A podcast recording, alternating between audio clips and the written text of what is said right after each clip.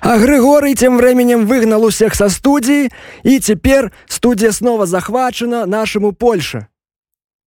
Жесточайший секс. Сир элитой. Секс. Сир. Секс. Лидочка элитой. Лидочка элитой. Жесточайший секс. И снова здравствуйте! Правозвестник правды, колебатель змагарских радиоколебаний, польский я батька, Григорий Варфоломеевич Фекалис снова у аппарата, так сказать. Как и обещал в прошлый раз, снова утро субботы и уже снова в эфире передача с интригующим названием «Секс с Ермошиной Лидой». Передача, как говорится, без купюр, у которой мы освещаем наичестнейшие новости страны победившей стабильности и ближайшего зарубежья. Знакомимся с цитатами видных деятелей нашей страны, делимся своими ощущениями и слушаем музыку. Информационную поддержку нам, как всегда, оказывают наши партнеры у нашей у нашем нелегком деле борьбы с так называемыми фейковыми новостями, а именно телеграм-канал газеты «Советская Белоруссия», информационное издание «Панорама», сайт panorama.pub и лично титан писательской мысли Пегас Пера, гроссмейстер словесных комбинаций, аналитик, публицист и неутомимый любовник, обозреватель издания «СБ Беларусь сегодня» Андрей Муковозчик. А делает он это посредством своего телеграм-канала под названием «Накипело», также настоятельно рекомендуем на него подписаться. Ну, а перед новой дозой концентрированной правды мы, как и всегда, послушаем музычку, и по уже сложившейся хорошей, на мой взгляд, традиции, наша первая песня будет о любви. И, как и всегда, это непросто. Песня посвящена, и посвящена кому бы вы думали? Ну, конечно, ей – нашей музе, ставшей символом нашей передачи. Специально для единственной и неповторимой сейчас прозвучит песня британского вокально-инструментального ансамбля «Вестник мод», песня «Странная любовь». Встречаем!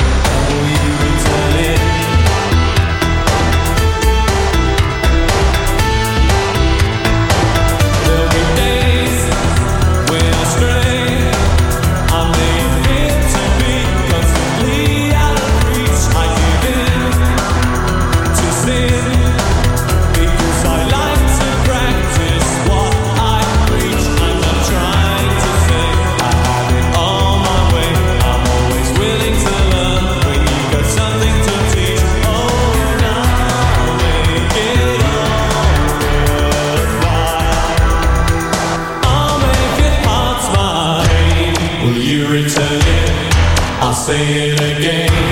Pain,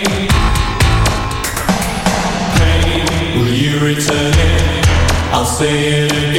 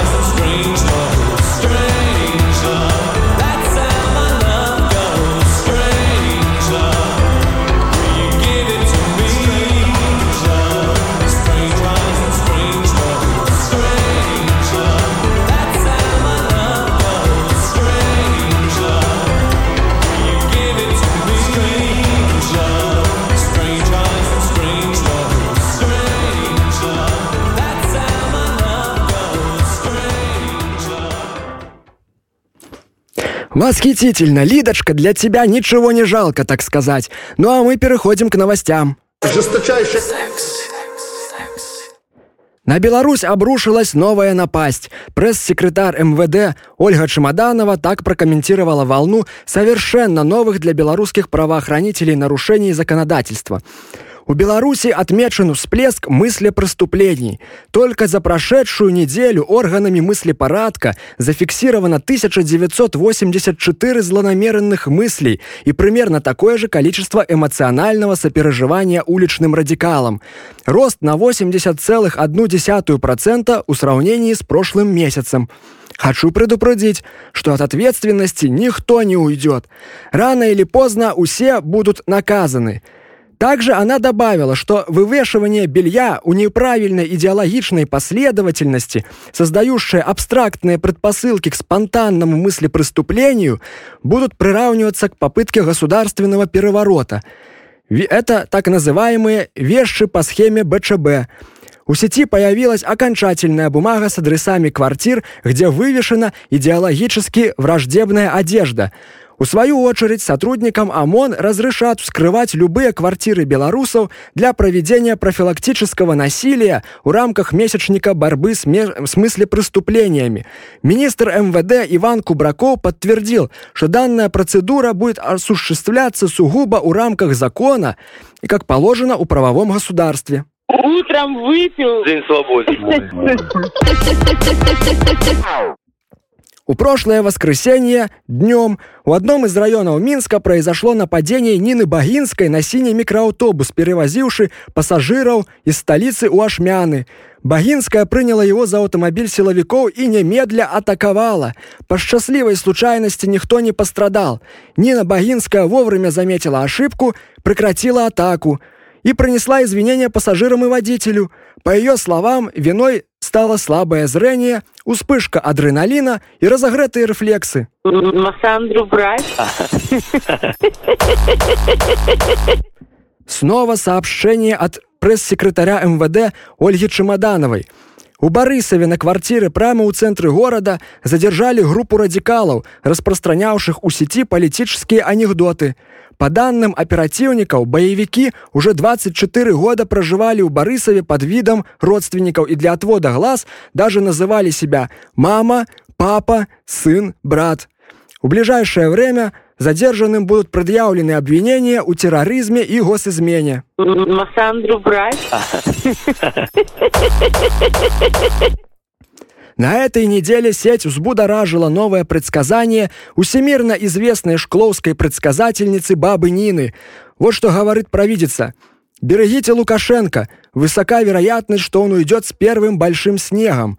В этой связи Лукашенко потребовал от правительства мобилизовать все силы для уборки снега. Цитируем. У любой момент на нашу страну может обрушиться снежная беда, и мы уже должны быть готовы к войне со стихией. Мобилизируйте все силы ЖКХ, армии, милиции, привлекайте курсантов, студентов, лесорубов, абсолютно у всех и каждого. Я, в свою очередь, попрошу президента России создать резерв из коммунальщиков, которые будут готовы прийти на помощь нашей любимой семье. Дотянем до весны, будем жить. Ну, что такое расскажет? Также на этой неделе, в понедельник, 30 ноября, Лукашенко провел совещание Совбеза по проблемам отела коров у Гомельской области. Позднее он сделал ряд заявлений и комментариев по минувшим событиям. Вот так великий вождь прокомментировал э, прошедший саммит ОДКБ и в целом идею онлайн-саммитов. Вы мою позицию знаете. Нам бы пора с Путиным повстречаться с глазу на глаз, а не по телевизору. Из-за этих онлайн-разговоров только зрение и кинескоп садятся. Общаться нужно у открытую, с глазу на глаз. У бани, например. Жесточайший У Беларусь для поклонения привезут одну из самых почитаемых реликвий у славян – крест Доминика Торетто – об этом сообщили у белорусском экзархате. Святыню выставят для поклонения у Минском храме Александра Невского. жесточайший секс секс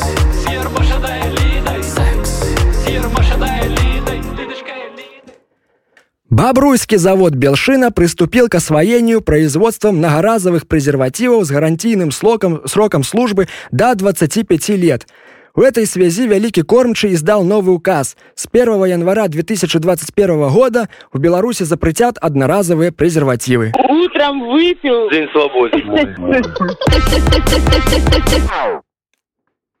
Конституционный суд Беларуси потребовал внести картину голландского художника Герарда Даида «Сдирание кожи с продажного судьи» у список экстремистских материалов. Утром выпил. День свободы. Главарь НОТ Евгений Федоров призвал к свержению Лукашенко и уничтожению конституционного строя у Беларуси. Федоров призвал своих сторонников готовиться к вооруженному захвату правительственных зданий, пообещав информационную поддержку лайками и репостами во всех соцсетях и пабликах НОТ. В этой связи президент СССР Тристан Присягин объявил НОТ террористической организацией, а главаря НОТ Евгения Федорова заочно приговорил к смертной казни. Массандру брать. Наталья Качанова на этой неделе прокомментировала успехи работы правительства Лукашенко. Также она намекнула на будущее изменения в выплатах зарплат. Цитируем. Правительство под руководством Александра Григоровича – это правительство добрых слов и дел, а доброе слово приятно не только собакам, но и жителям регионов. Президент не может у всех отблагодарить лично, но он может благодарить похвальными листами. Социальная ориентированность – цель нашего государства. Нужно отчетливо понимать, что заработная плата у Беларуси – это не столько результат труда, сколько добрая воля президента. Без него вернулись бы темные времена во всех смыслах.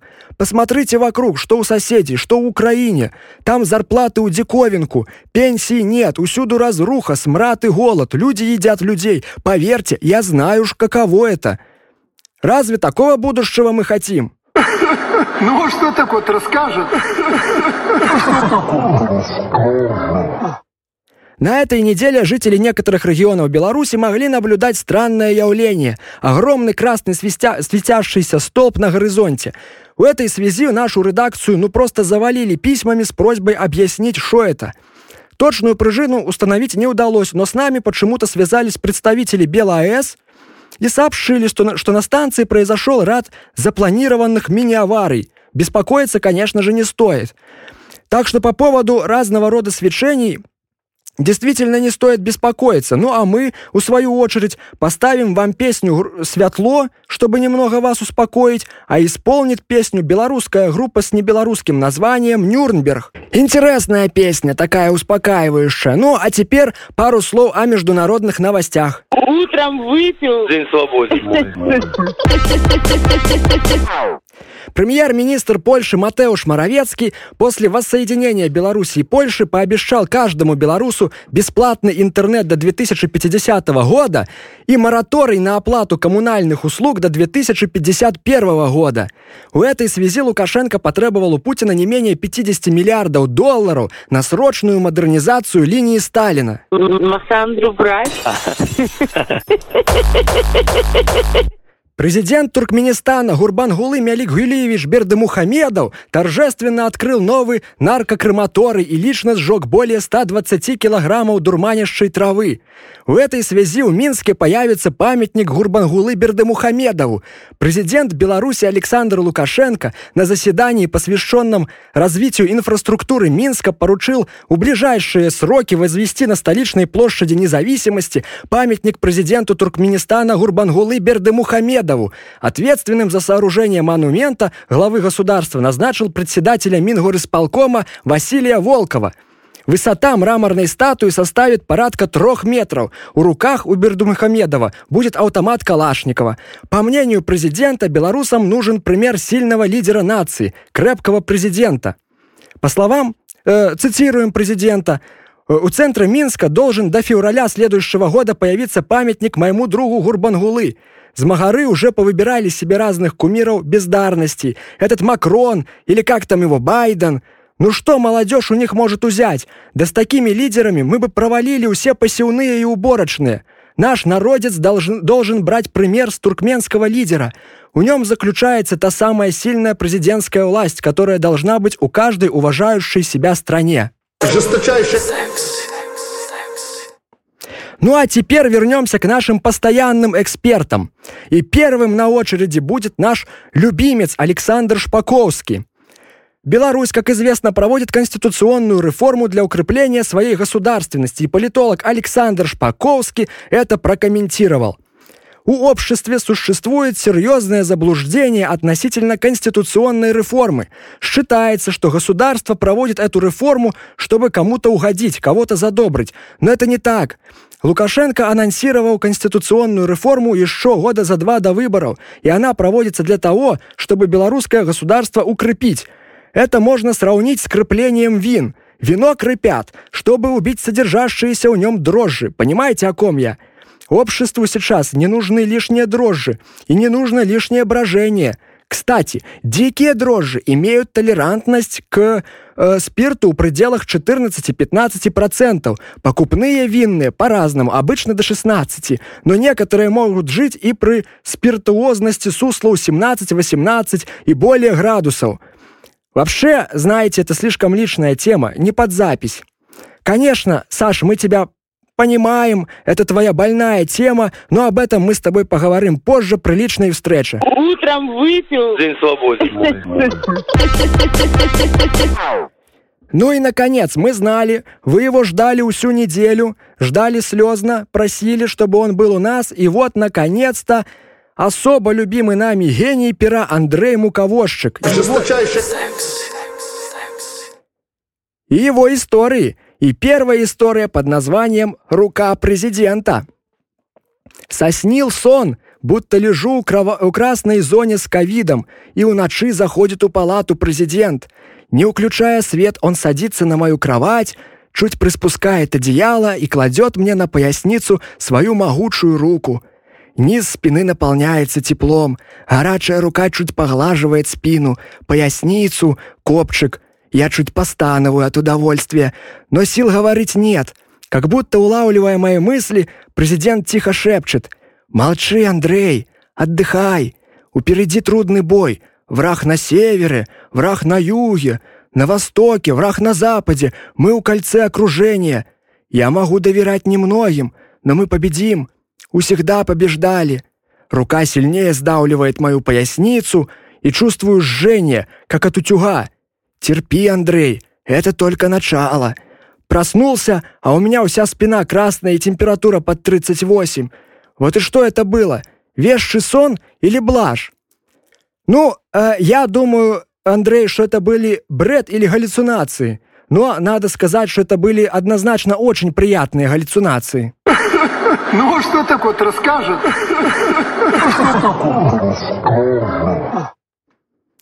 И еще одна статья, напишен, написанная у гневе нашим гением. Вчера вечером мне написала на почту одна нехта Матолька. Муковозчик, мол, фашист и пропагандист. Так ярко, эмоционально, хлестко меня оскорбила эта сущность, что отпечаталась эта виртуальная пощечина во сне. Представился мне Минск 1944 года. Я подхожу к зеркалу, а там, ба, немецкий офицер Андреас фон Мехльтраген. Весь у крестах, аж скулы свело. Стою я перед зеркалом, тело колотит, кулаки сжаты, но не могу задушить своего внутреннего фашиста. Не могу вытравить у себя фашизм, не получается сдерживать свои руки, рвущиеся к солнцу. Я инструмент вечного террора, я гитлерианское диковинное животное, я оголенный нерв. Потом яркая вспышка и пробуждение у мокром бреду. Нет уж нехтоматольки, не могу я быть фашистом даже во сне, как бы ни накипал. Держись, Андрей, на тебе держится уся наша журналистика. Но вот э, только снова я уже смотрю эти самые нехтоматольки, которые уже до канале нашего гения пера рвутся к своим микрофонам, пытаются изгнать меня отсюда, вытащить из студии. Ну, а я вам так скажу, правду не заткнуть. На прощание поставлю вам песню американской группы Linkin Park. Песня по-нашему называется «Онемевший», и это название прекрасно описывает мое сейчас состояние от наглости проколотых водкой наркоманов мотолек. Усем удачи и шоу услышимся! Лидой Секс